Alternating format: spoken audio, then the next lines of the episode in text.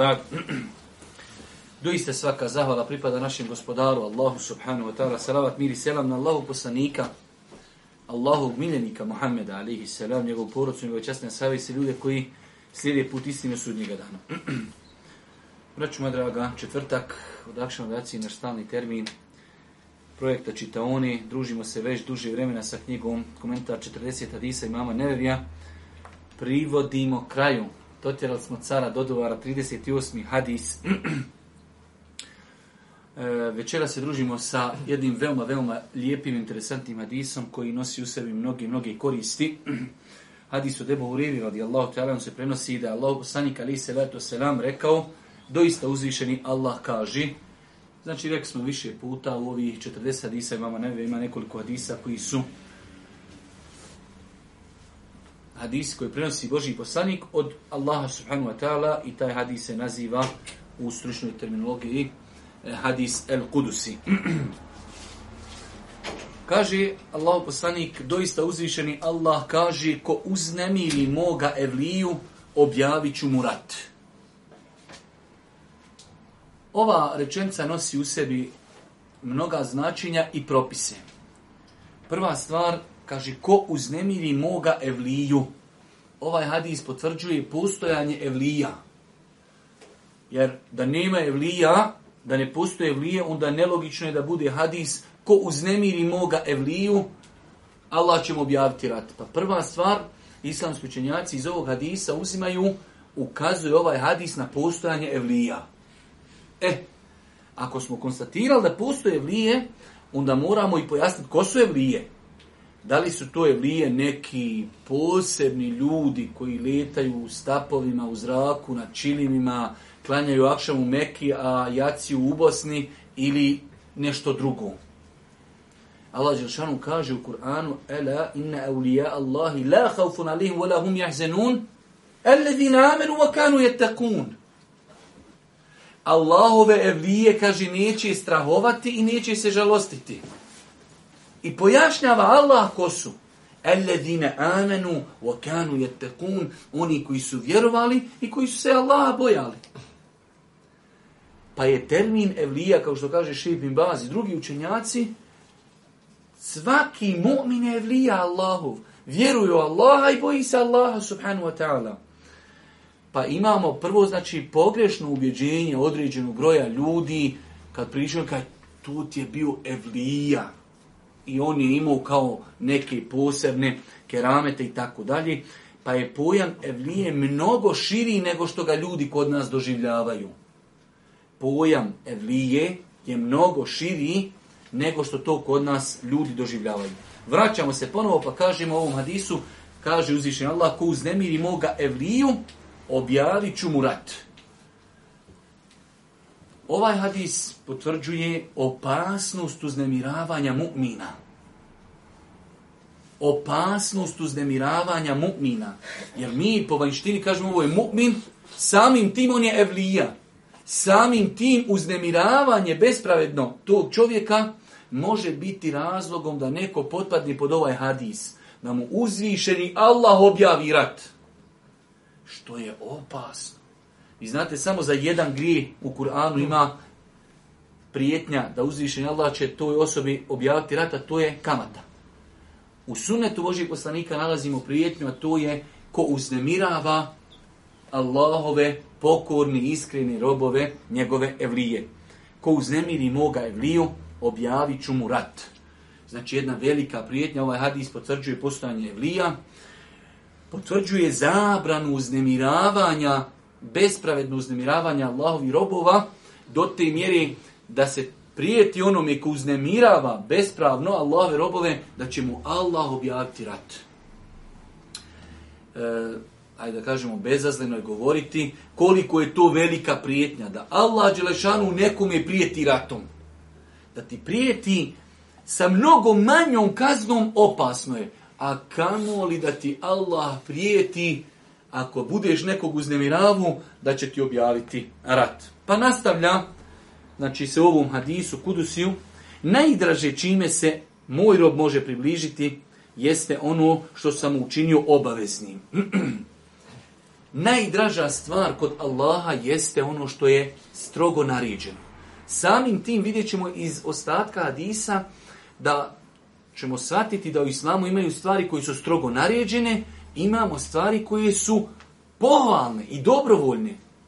Pa je logika i raspored prioriteta u životu da čovjek daje prednost uvijek onome što je naređeno. Nelogično je primjera radi. Primjera radi. Čovjek klanja noćni namaz cijelu noć i sutra ne klanja saba, prespavu.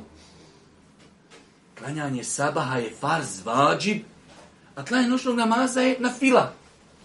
Pa je nelogično da se čovjek zaokupira sunnetom, dobrovoljnim nečim, a preskoči farz. Pa kaže, uzvišen je Allah u ovom hadisu, kuciju, najdraži nešto što može moj rob uraditi, jeste da uradi ono što mu je strogo naređeno farz. I zato u životu sebi uzmite pravilo. Prvo da ispunim farze. Prvo da ispunim naredbe. Prvo da ispunim ruknove. Nakon toga dolazi na file farz, definicija farza, jeste dijelo koje je naređeno. Ako ga čovjek uradi, bit će nagrađen, ako ga ostavi, bit će kažnjen. Ovo je veoma bitno znati. Sad nam dolazi e, drugi dio hadisa, znači prvi dio je, kaže se, najdraže čime se moj rob može približiti meni jeste ono što sam mu učinio obaveznim. I neće prestati moj rob, približavati se meni na filama, sve do ga ne zavolim. Sada dolazi drugi stepin. Prvo je čovjek ispunio farze. To je ono za što će biti pitanje. Ako ostavi to, bit će kažnjen. Sada dolazi drugi sloj ibadeta u islamu na file. Definicija na file je ako uradiš, imaš sevap, kao i farzi. Ali ako ostaviš, neš biti kažnjen. Ja znam, nekim ljudima je mnogo teško kad se ovo govori, ali zbog ilma, zbog emaneta mora se reći. Imate kod nas ljudi, mogli klanjati deset rekiata podni, ne mogu, neću ni klanjati. Čovjek u firmi, u njega je podni deset rekiata. Ovi se prvi zovu sunneti, ovi drugi farzi, ali to nema razlike nikad, svi su farzi. Mogli ja klanjati deset rekiata, ne mogu, neću ni klanjati. Pa je veoma bitno znati razliku, šta je farz, šta je sunnet. Farz je dijelo koje je naređeno. Ako ga uradimo, imamo sevap. Ako ga ostavimo, imamo veliki grijeh i kaznu. Na fila je dijelo koje ako uradimo, imamo sevap. Ako ga ostavimo, nismo griješni. Zato kažemo kad čovjek nikad u životu ne bi klanio sunnete, nikad u životu ne bi klanio teraviju, neće na sudnjem danu ga Allah piše što nisi robe klanio teraviju. Ali mu teravija može trebat. Mogu mu sunneti trebat. Ako mu zafali gdje od farza, upotpunit će se, kao što je došlo u vjerodostim hadisima, na filama. Ali nije griješan. Pa čovjek ako je na poslu i ne može klanjati 10 rekiata podne, ali može 5 minuta odvojiti ne pauze, klanja farze, klanja će farze, mora ih klanjati, jer je to farz. Pa je veoma bitno poznavati propise islama, da bi čovjek znao se ponašati s odnos situaciju u kojoj se nalazi. Pa znači, kaže se, najdraži dijelo koji čovjek može uraditi jesu farzi. Neće prestati moj rob da se približava meni na filama, dobro, dobrotvornim dijelima, koja nisu obavezna, sve do ga Allah ne zavoli. Dobro. To je velika stvar. Da čovjek radi na file i da time postiže Allahovu ljubav. Nima, braću, madra, mi dosta puta nismo svjesni veličine te nagradi. Postiće Allahovu ljubav. Ljubav. Završeno. Šta mu'minu treba na planeti nakon toga što ga Allah zavoli? Završeno. Pa slušajmo nagradu. Pa kaže, a kada ga zavolim?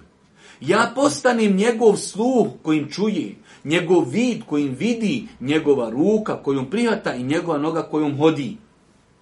To je nagrada.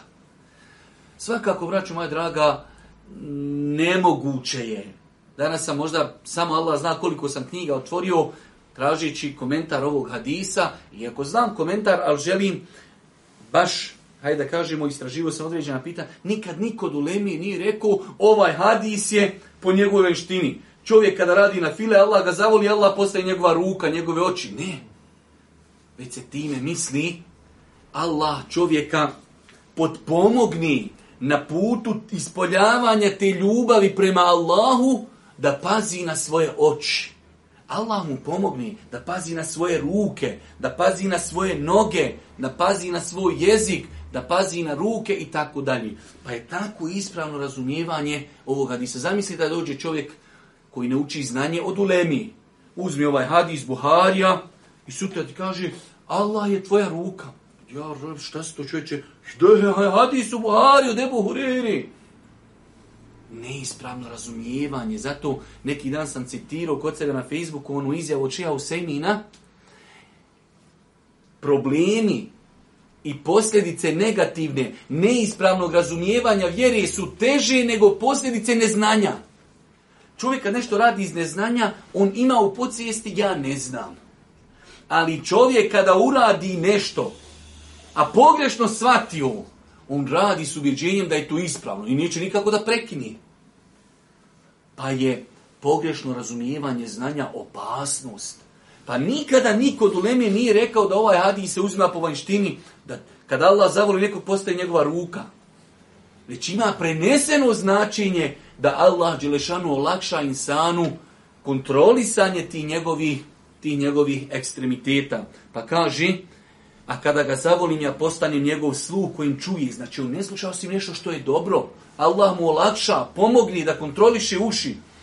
Njegov vid kojim vidi, Allah mu olakša da kontroliše ono što će gledati. Njegova ruka kojom privata, Allah mu olakša ono što će uzimati da bude halal i ispravno. I kaže, i njegova noga kojom hodi, olakša mu hodanje u pravcu onoga što je halal i dopušteno. Pa nastavlja. Nakon što je postigao taj stepin, tu deređu, da ga voli Allah, približavao se Allahu kontinuirano na filama, Allah ga zavolio. Šta dobija, kažem. Ako me zamoli nešto, traži. Ako me zamoli za nešto i traži, sigurno ću mu dati. Na arapskom se kaže Vole in seleni le u'tijenne. Vidite ovaj tešti dodi. Le u'tijenne to je u arapskom za sigurnost, za potvrdu. Sigurno ću mu dati. Došlo je na stepen, ima konekciju, treba mu nešto traži da Allaha, Allah mu daji. Zašto? Čuvu Allahove granice. Čuvu Allahove propise. Bio dobar u nafilama, došao je na stepen, traži nešto od gospodara, gospodar mu daji. Pa kaže dalje, a ako zatraži zaštitu, ja ću ga, kaže, zaštititi. Ako nešto prvo traži, ima potrebu, da ću mu. Ako traži zaštitu, ja ću ga zaštititi. Pa je ovo jedan veliki hadis, e, rekli smo, e, njegova osnova, njegov početak jeste da uzvišeni Allah prijeti ljudima koji uznemiravaju njegove robove. I zato ćete danas vidjeti ovo što imamo velike kampanje protiv vjernika, protiv vjernica, pazite, vrijeme igra za nas, kad kažem za nas, za vjernike ovi hadisi i drugi argumenti koji su sličnog znači značenja veliko su upozorenje ljudima koji se ismijavaju sa vjernicima, ljudima koji usporavaju prakticiranje vjeri, ljudima koji i tako dalje. Pa je ovo jedna velika prijetnja ko uznemiri, ko, ko nepravdu nanese mome evliji, mome mu'minu, mome iskrenom robu, ja mu objavljujem rat. Rat pa smo rekli da govori ovaj hadis o podjeli ibadeta u farze i sunnete, odnosno dobrovoljne ibadete. Najdraža dijela Allahu su farzi i treba svoj život da koncipiramo na način da pasimo na farze. Od nafila što možemo uraditi, jer kaže Boži poslanik u ovom hadisu kuciju i neće prestati moj rob da mi se približava na filama dok ga ne zavolim. A kada ga zavolim, postaću njegov sluh, pa smo protumačili kako se to komentariše i na kraju kaže ako bude od mene nešto tražio, daću mu, ako bude tražio zaštitu, zaštitit ću ga. Daj nam pročitaj samo vrijednost i značaj ovog hadisa. Šehul Islam ibn Taymiye rahmehullah ta'ala rekao je, ovo je veličanstveni hadis koji govori o Allahovim evlijama. Rekli smo mi, mi smo protumačili šta su Allahove evlije i kazali smo da ima velik broj umeta danas ima problem oko uh, e, svatanje percepcije koje je to evlija. Evlija, rekli smo, kao što kaže Šepin Baz, uh, u najkraćem kaže pojašnjeno mu'min, vjernik. Alladina amenu wa kanu yattaqun. Opis kuranske evlije koji su vjerovali i bojali se Boga. Koliko ovaj hadis bitan na umpademi, danas sam našao, Imam Šaukani napisao je tom kompletan, komentarišujući samo ovaj hadis. Evo, mi smo sad sjeli pro komentar, mi imaš više šta prič, gotovo, sve to što smo imali reći imam Ševkan i on njemu napisao tom. Koliko je to velik hadis i veliko značin. Dobro, prijeđi nam na koristi hadisa. 26. Bravo. Uh, od početka. Jesi, jesi, iz početka. Iz hadisa se jasno uviđa Allahova pravda i njegova milost prema svima, pa čak i prema neprijateljima. On ih upozorava na opasnost uznemiravanja njegovog štićenika prije nego li im objavi rat. Uh, Pogledajte koristi, subhanallah. Mogu bi čovjek sjedi 16 dana na glavi, pa ovako, pa onako da mu ova pa- korist ne napadne. Dok ne odi i ne vidi šta je ulema rekla u tom hadisu. Pogledajte Allahovi pravdi. Allahova pravda je apsolutna u svemu. Ili se kad smo prošli put govorili o Allahovim nagradama, čovjek uradi dobro dijelo, ima nagradu. Uradi grije, samo se jedan upisuje grije. Ovdje da ne bi neko došao na sud i kaj, gospodar, ja nisam znao da me takva kazna čekala ako uznemirim tvoje vlije. E, evo pravda. Prije nego što dirneš, e, evo da znaš šta te čeka. Čekate da će ti uzvišen Allah objaviti rat, ako si spreman bojru. Pa Allahova pravda da nije ostavio kaznu za određeno dijelo nejasnom.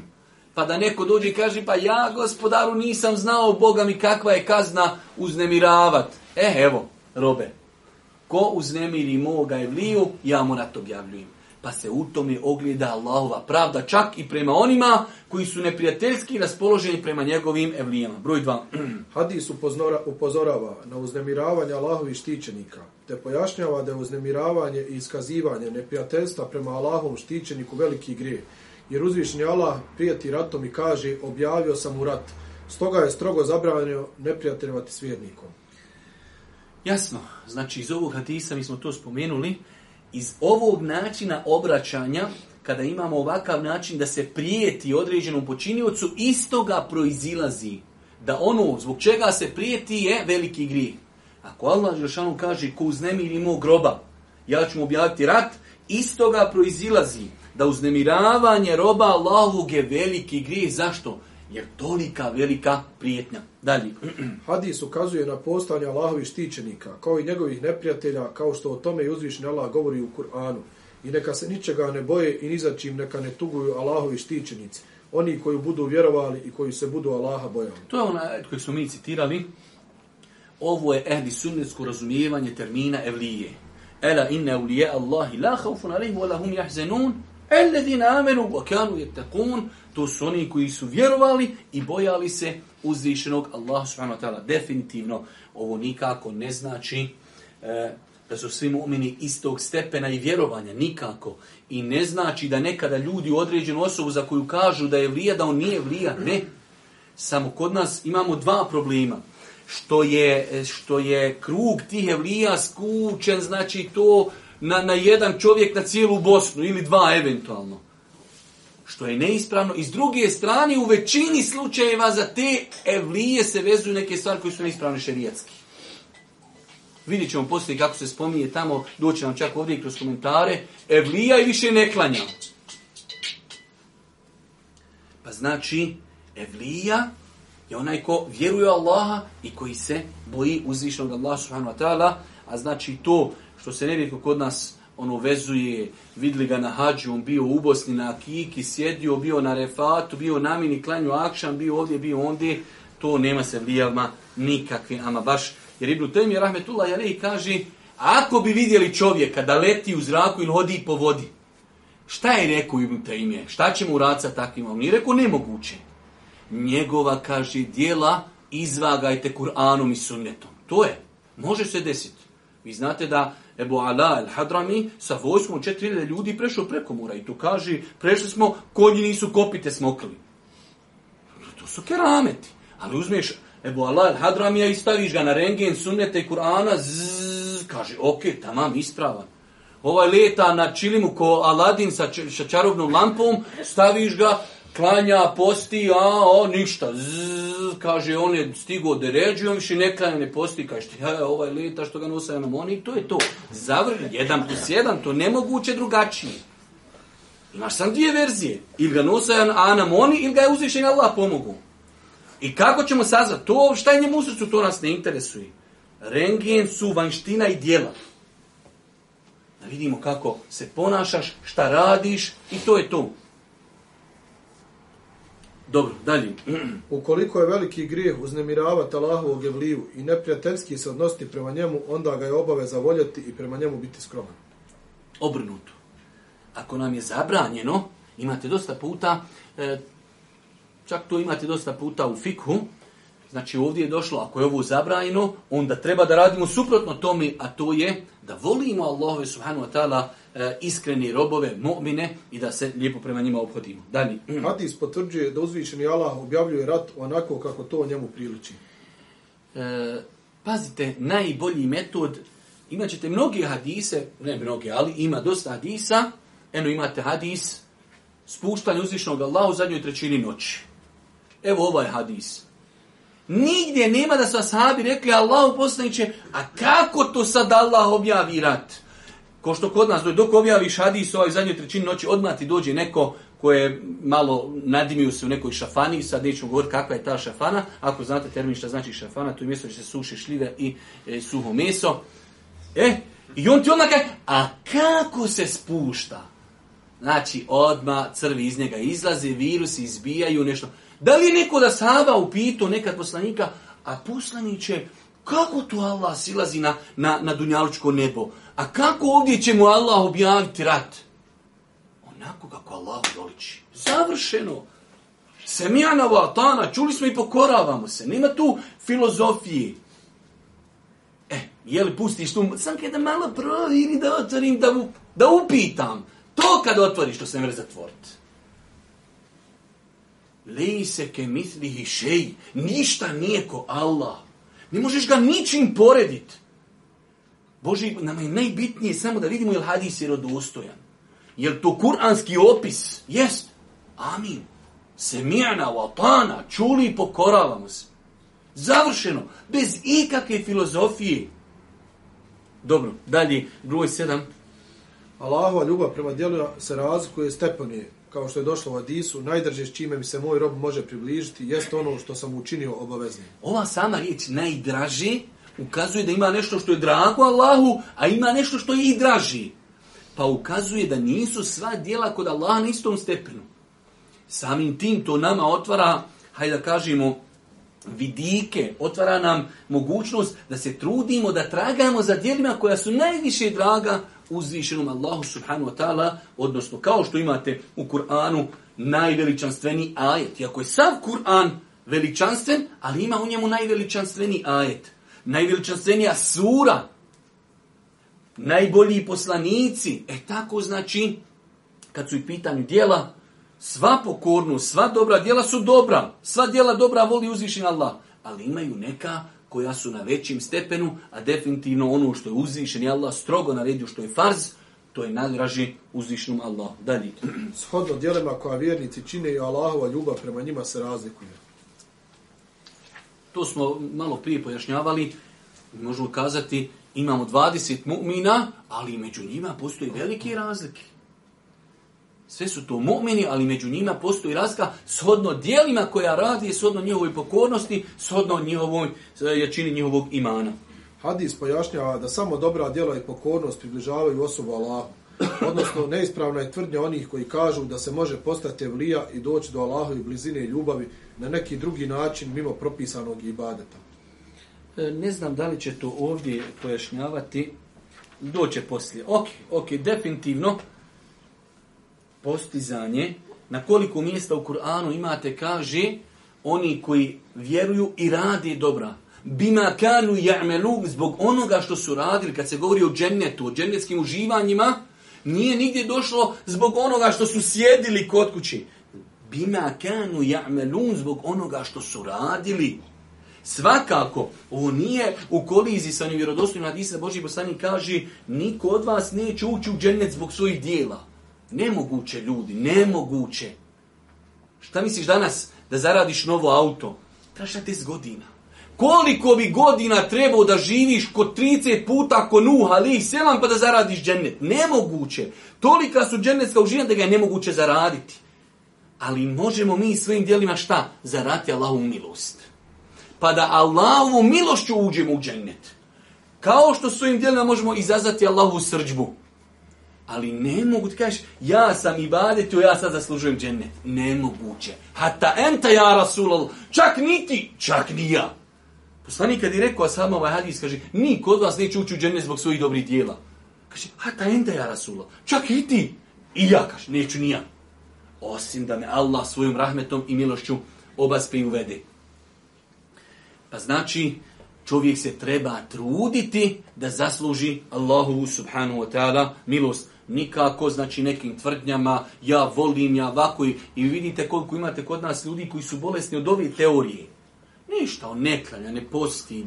On ima sve grijehe od Adem Ali Selam do današnjeg dana, sve on ima u svome dosjevu, ali kaj, ja sam momin, ja vjerujem, ja dobar, moj dedo, moja nene, svi bili ovdje, svi bili ondje. Paša, dragi, ok, dedo, nene, ti misliš tako da ćeš to tamo ulaziti, ono, haj povedi koliko hoćeš svoje familije. Pa Islam traži bima kanu ja'melun zbog onoga što su radili. Dalje. Allahove propisi dijeluje se na obavezne i dobrovoljne. Jasno, Hadis ukazuje na to i rekli smo, ova nam je podjela mnogo bitna u datom momentu kada, kada čovjek ima određene potrebe. Ako nešto moram preskočiti, ako nešto moram izostaviti, izostavit ću nešto što je dobro, nikako nešto što je obavezujući. Pa je bitno, zaš, zašto je Ulema govorila o ovim, zašto tamo imate uvijek u knjigama fikha farzi, sunneti, vađib, mustehab, mekruh, mendub, da čovjek zna sve te stvari suta shodno situaciji da se može tako i ponijeti. Mi smo neki dan, vidim ovdje ima par braće koji su prisutni, imali smo jedan seminar pa nam je Safet držao jedno predavanje, pa je malo se dotaku temi klanjanja u avionu. Pa imate 70-80 ljudi, hoće da klanja u avionu, a vi 60 centi kvadratni. I sad treba 300 ljudi da dođu da abdesti. Ha, izlazi sunce, nema vremena. Kako ćemo klanjati, šta ćemo? Zato jeste znanje da znam šta moram, šta mogu izostaviti, šta ne mogu izostaviti. Moram li klanjati okrenut prema kibli, mogu li sjedički, mogu li uzeti jemum, šta ću, kako ću. Zato i je znanje da znam šta mi je obaveza da znam šta mi je farz, da znam šta mi je ob, uh, sunnet, šta mogu preskočiti, šta ne mogu preskočiti. Dalje. ono što uzvišnji Allah strogo naredio i propisao, to je najdrži Allahu i s time se vjernik najviše približava Allahu. Definitivno. Dalje. Prilikom činjenja obaveznog i dobrovoljnog ibadeta, predno se daje obaveznom, što znači da nije prihvatljivo obavljanje na fila, a za postavljanje vađba. Odnosno, dobrovoljni ibadet se ne prima ako se ne izvršavaju obavezni ibadeti jer se na fila ne naziva na filom osim kada slijedi nakon obaveznog ibadeta. U svakom slučaju, cijelo vrijeme o ovome govorimo, nelogično je, nelogično je, braću moja draga, da čovjek e, dobrovoljnim ibadetima dadne prednost nad obaveznim. Nelogično, zaista. Imaš nešto što ti je strogo naređeno, imaš nešto za što ćeš biti kažnjen, strogo kažnjen ako to ne uradiš, i ti to ne radiš, radiš nešto što je dobrovoljno. Dođe ti profesor na fakultetu i kaže, slušajte, imate ovih pet knjiga iz kojih će vam doći ispit, sigurno. A imate još tri knjige sporedne, lijepo je da malo čitate o toj tematici. Kaže, ja ću ove tri, pročitaj ovih pet neću. Pa šta propaćeš to posto? Pročitaj ono što je rekao profesor da će iz ovih pet doći. Ovo ako stigneš malo generalno kao da imaš, hajde da kažemo, informacije o toj nauci ekstra. Ali ne, ja sam ću iz ove tri, valjda će doći nešto što ja... Nije ispravno. Nije ispravno pa je nelogično davati prednost na filama nad farzima. Dobrovoljni ibadeti popunjavaju praznine i nedostatke nastale u obaveznom ibadetu. Definitivno. Ovo je koris, kao što je spomenuto u vjerodostom hadisu na sudnjem danu, kada čovjek ima de problema sa namazom, prilikom polaganja ražnju, kaže, pogledajte kod mog groba ima li na fila, da se to upotpuni. Pa je to ispravan e, pristup na filama. Vi imate ljudi koji se ježe kad ti rekneš može se sunet preskočiti. Njemu odma šećer. Znači, koliko je šećer? Ono, šest. U njega na 66 ona skoči.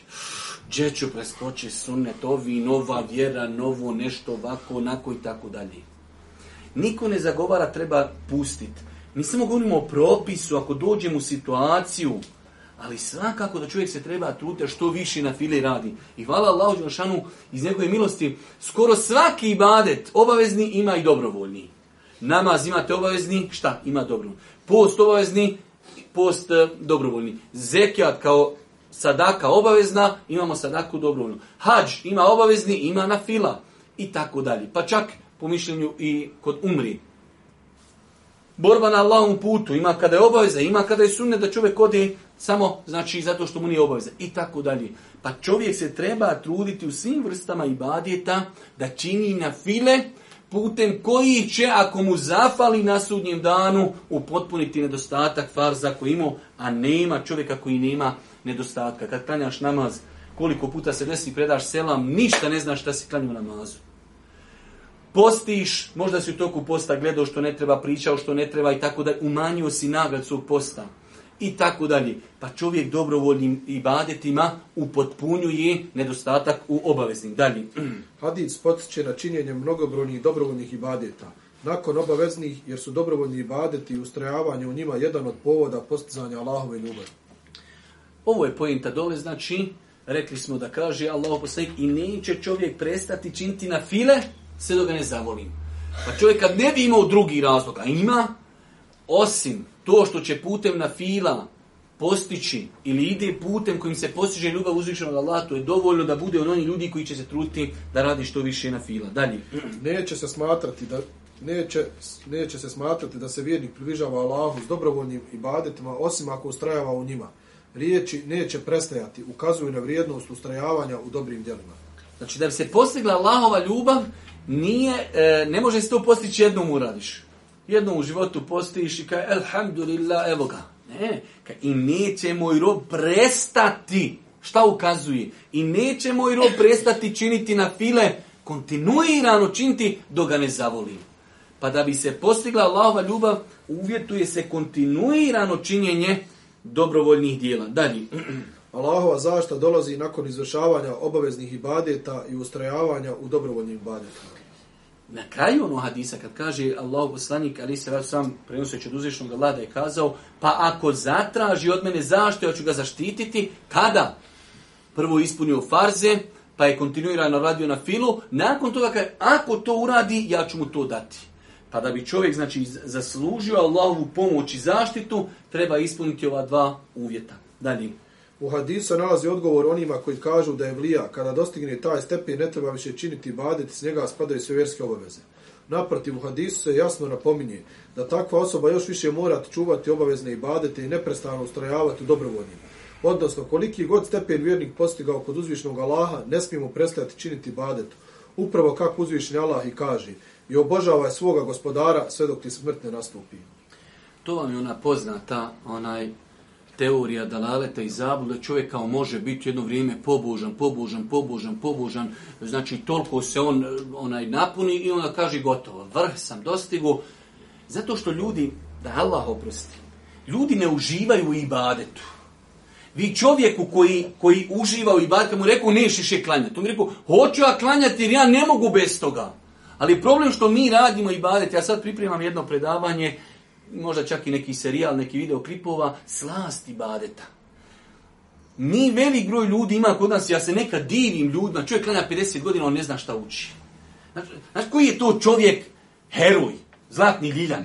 50 godina klanja čovjek redovan u džamze i ne zna šta uči. To pa, znaš šta je? On je jači od, od pećini. Allahom se kunim. Njegova snaga, kako izdurat? Mislim ti neko kaže, svaki dan trebaš da on leđe na čaši i sjeti i slušat neki kinez drži neko predavanje, ti svaki dan slušaš i 60 godina on, džun, džun, džun, džun, džun, ti doješ, sašaš i kući, posašaš i kući, i, sva, i svaki dan, paša čoveče, to bi trebao zaista izdurat. I čovjek koji klanja, ne razumije, problem kod ovih, kaže, dostigo nivo i više ne klanja. Božji poslanik je bio poslanik i toliko uklanio na filu da su mu noge oticale. Ovaj bolji od poslanika. Poslanik zadnj, do zadnjeg dana pada u nesvijest, ustani, probudi, savjesti i klanja. On kaj mi smo došli do nivoa, mi više ne klanjamo čibuk samo, lulu, namotaj duhana, ška, hajte vi klanjati, ja sam kaj obavio, ja sad kaj u Meki dole klanju. Nema kaj guže, tavafio sam fino, vau, bili smo kod čovjeka, sad iz Meki je došao. Jes, malo sutra došao iz Meki. Kaj došao je na dređu, više ne ibadeti. Veća dređa od poslanika, poslanik do zadnjih dana ibadeti mu. Do zadnjih dana noći namaz klanju jer lik ne osjeti slast ibadeta. Da osjeti slast ibadeta, vallahi, ne bi ga mogo odvojiti od ibadeta. Da mu kažeš, slušaj, ti si dostigo da ređu. Jok, jok, nisam dostigo, da me da još ibadeti. Njemu dosadilo, jadnik, šta da izmisli neku foru, to je šeitan morao došat na svojim 60 lanac, šeitan ovaj, i da nje, 60 tam došli kaže, ima deređa, da ne moraš više ibad, i on to proguta iz fabrice, kaj jest, došao sam na deređu, da ne moram ništa više ibaditi i dođu ljudi i vjeruju. A što je on ograjso, ali što je ograjso ovaj komu to povjeruje, to je najveći problem. Dalje. Kada Allah zavoli svoga roba, biva s njim tako što usmjeri njegova čula prema onome s čime on zadovoljan. Ovdje se misli njegova čula, ono sve što je spominuto. Znači, kada Allah Žešanu zavoli svoga roba, kad on na, e, čini i na file i Allah ga zavolio, Allah mu olakša čuvanje njegovih čula čuvanje ušiju, čuvanje očiju, čuvanje jezika, jer ima razno raznih drugih predaja u kojima su spomenute neke druge stvari. Dalje. Kada Allah zavoli svoga roba i on postane Allahov evlija, Allah mu da ono što traži i zaštiti ga od onoga od čega traži zaštitu, tako da mu se ostvari ono što traži i od njega se odagna ono od čega on strahuje. To je sodno kraj onog hadisa. Allahovom štićeniku se prima i uslišava dova. Jedna znači od vrijednosti ovog hadisa jeste da insan kada dođe na stepen ispunjuje farze, e, radi čisto na file, kontinuirano da ga Allah zavolio, jedna od, znači, nagrada jeste da se njegove dove primaju kod uzvišnog Allaha. Dalje. Što se čovjek više približava Allahu, to je veća mogućnost da mu dove budu uslišane. Logično. Na veliko i počašćeno mjesto Allahovi štićenika ukazuju riječi, kako je došlo u hadisu, onom koji uznemirava moga štićenika objavio sam u ratu